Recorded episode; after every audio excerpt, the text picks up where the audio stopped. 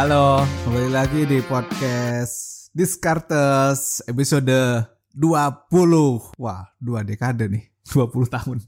Gak ada di episode 20, masih di season kedua. Gua akan bahas judul investasi yang harus dihindari. Hmm, investasi apa tuh yang harus dihindari, guys? Oke, buat teman-teman yang baru join ke podcast kita, podcast Discartes, ini adalah podcast tentang keuangan, investasi, ekonomi, dan bisnis. Di season kedua, gue akan challenge dan mengulik ide-ide dari buku, orang-orang, maupun berita di sekeliling kita semua. Jelas, pasti akan gue tambahkan dengan ide yang gue miliki sendiri. Karena gak ada gunanya gue bikin podcast kalau gue gak menyuarakan apa yang ada di pikiran gue. Huh. Oke teman-teman kita lanjut ya. Bahas soal ini di episode ke-20 ini.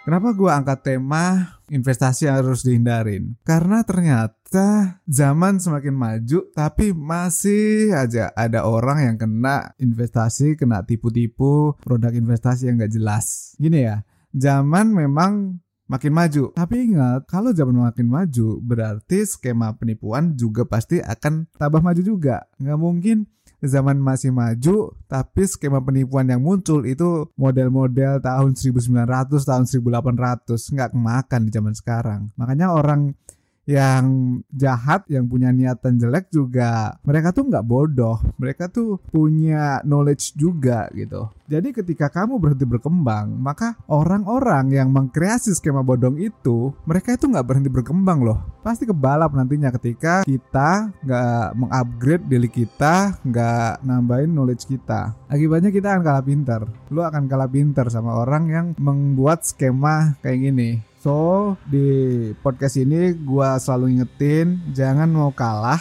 harus selalu upgrade knowledge kamu. Naikkan level kamu. Bukan semata-mata kamu biar jadi orang pinter. Enggak paling enggak tuh sederhana niatnya. Enggak gampang ketipu gitu loh.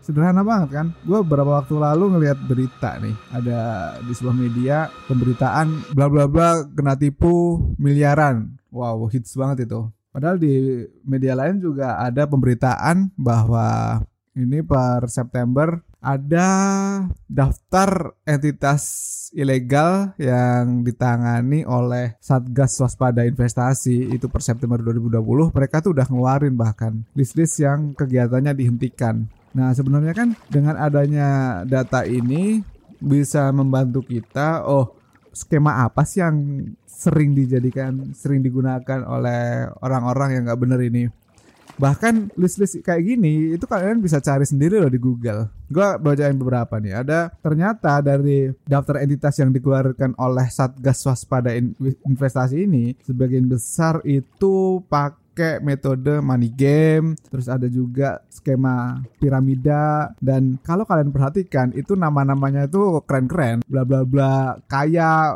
atau duit. Nah, ini banyak banget nama-nama keren, nama-nama yang berhubungan sama pasti menangnya, pasti untungnya. Padahal modelnya juga money game, terus piramida yang sebenarnya kalau kita perhatikan nggak mungkin menghasilkan, tetapi kok mereka bisa menjanjikan keuntungan keuntungan sekian puluh sampai sekian ratus persen. Nah, itu kan jadi pertanyaan sebenarnya. Terus, kenapa sih investasi bodong itu selalu ada? Jadi, gue berkesimpulan gini, sepanjang manusia ingin kaya dengan cepat, ingin kaya tanpa susah payah, maka model investasi bodong akan selalu muncul, nggak akan pernah berhenti. Kenapa? Karena kaya dengan cepat, kaya dengan gampang itu nggak pernah ada.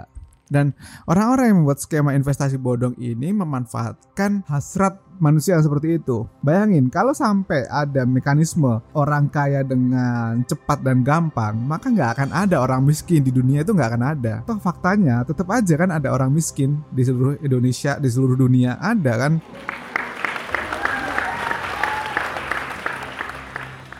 Jadi kita masuk ke logika paling dasar aja bahwa hasil itu akan selaras dengan apa yang telah kita lakukan. Kita nggak bisa mengharapkan hasil yang bagus, seandainya kita nggak memaksimalkan, nggak bekerja dengan bagus. Hasil kita akan jelek ketika kita bekerja dengan jelek. Itu kan hukum alamnya. Jadi buat teman-teman semua, seandainya sekarang masih berpikir ada pekerjaan yang nggak perlu ngapa-ngapain, nggak capek, nggak lelah, tapi hasilnya bisa bikin lo jadi seorang miliuner trust me. Nggak ada. Oke. Okay. terus tiba-tiba ada yang ngomong ah itu enak anak artis baru keluar jadi bayi aja udah tajir melintir. Itu satu banding berapa juta? Satu banding berapa coba? Kan nggak masuk akal kalau menjadikan hal kayak gitu jadi patokan. Ya kan? Coba mikir. Salah satu yang paling populer dalam investasi bodong itu ada skema Ponzi. Ponzi ini sebenarnya dulu nama orang Aslinya namanya si Charles Ponzi, dia dari Italia. Jadi pas tahun 1920-an, pas kita masih belum merdeka tuh ya, si Ponzi ini sudah menawarkan keuntungan 50% dalam waktu 45 hari atau 100% dalam waktu 90 hari. Caranya dengan beli kupon. Nah, orang-orang tuh terbujuk tuh sama rayuan doi.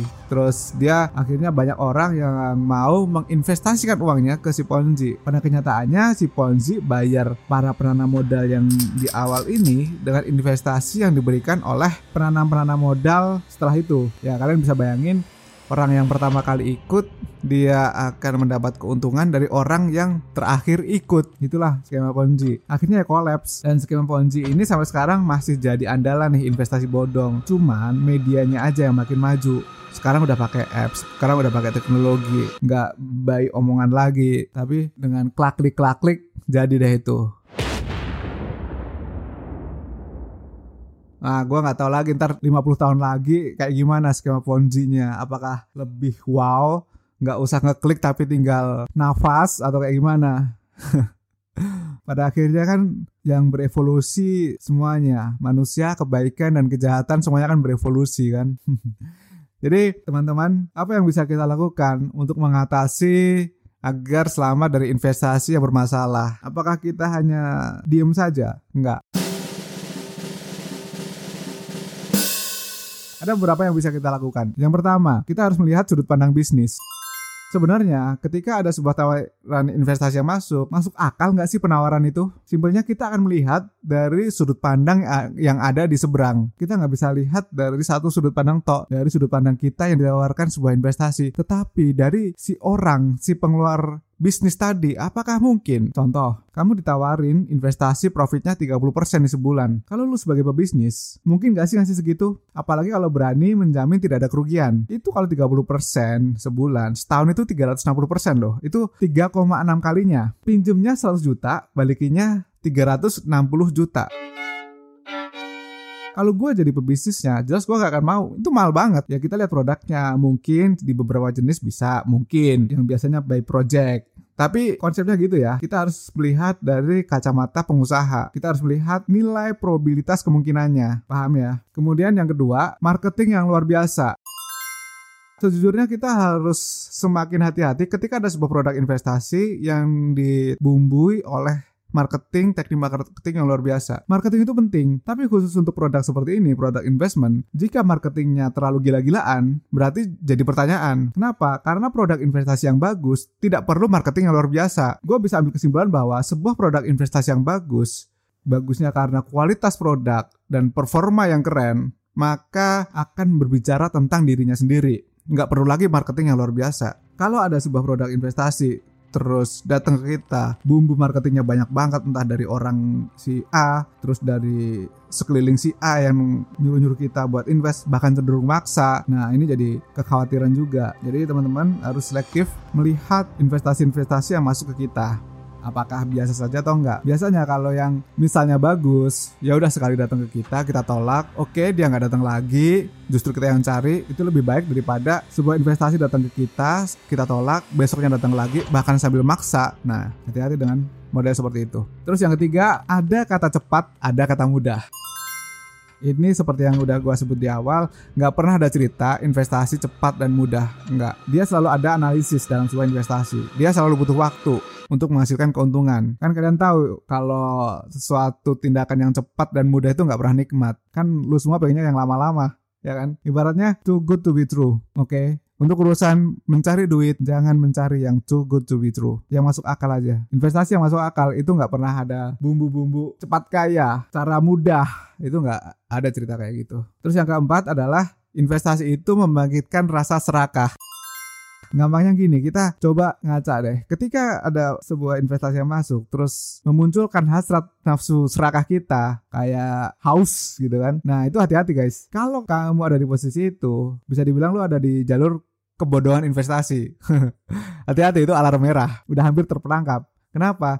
Karena nafsu serakah itu ngelumpuhin otak dan sebuah produk investasi yang bisa membuat kita merasa aduh gua mau nambah lagi, mau nambah lagi. Nah, itu harus hati-hati. Contoh gampang ini, ada satu investasi ditawarkan dari teman ke kita, eh ntar lu akan gua kasih 20% nih kalau masukin uang 50 juta. Tapi kalau masukin uang 100 juta, gua kasih 35%. Kita lihat poin satu, produknya apa, terus apakah itu membangkitkan rasa serakah kita atau enggak. Oke, kalau sampai membangkitkan hati-hati. Ada lagi, contoh, invest pertama lancar, invest kedua lancar, invest ketiga lancar, terus akhirnya bikin kita merasa, ah, gua tambahin aja deh biar nendang. Nendangnya enggak tanggung-tanggung, ngejual rumah, terus nawarin ke keluarganya. Nah, hati-hati guys, tendanganmu bisa jadi bumerang. Kemudian yang kelima adalah cek legalitas. Ingat, yang legal aja belum tentu pasti cuan. Karena yang namanya investment itu nggak ada kepastian. Apalagi yang ilegal. So, saran gua, cek ke pemerintah soal perizinannya. Kemudian lo bisa tanya ke expert di bidang keuangan, expert di bidang investment. Tanyalah. Lebih baik lo tanya daripada lo salah nanti. Atau kalau perlu lo ikut kelas-kelas tentang investment ke semuanya. Kalau misalnya pemerintah lagi ngeluarin seminar, ikutlah gitu kan. Jadi biar knowledge lo soal investment juga makin Bagus. Itu yang bisa gue sampaikan di podcast edisi kali ini. Mudah-mudahan kalian semua bisa aman dari yang namanya investasi bodong. Saran dari gue adalah jangan pernah berpikir untuk cepat kaya dari investasi. Dengerin podcast gue yang di awal-awal bahwa kalau lo mau kaya, lo mau tajir ya, lo kerja keras. Investment itu pun perlu ada analisis dan investment butuh waktu. So, sampai jumpa di podcast Discartes episode selanjutnya. Thank you and 拜拜。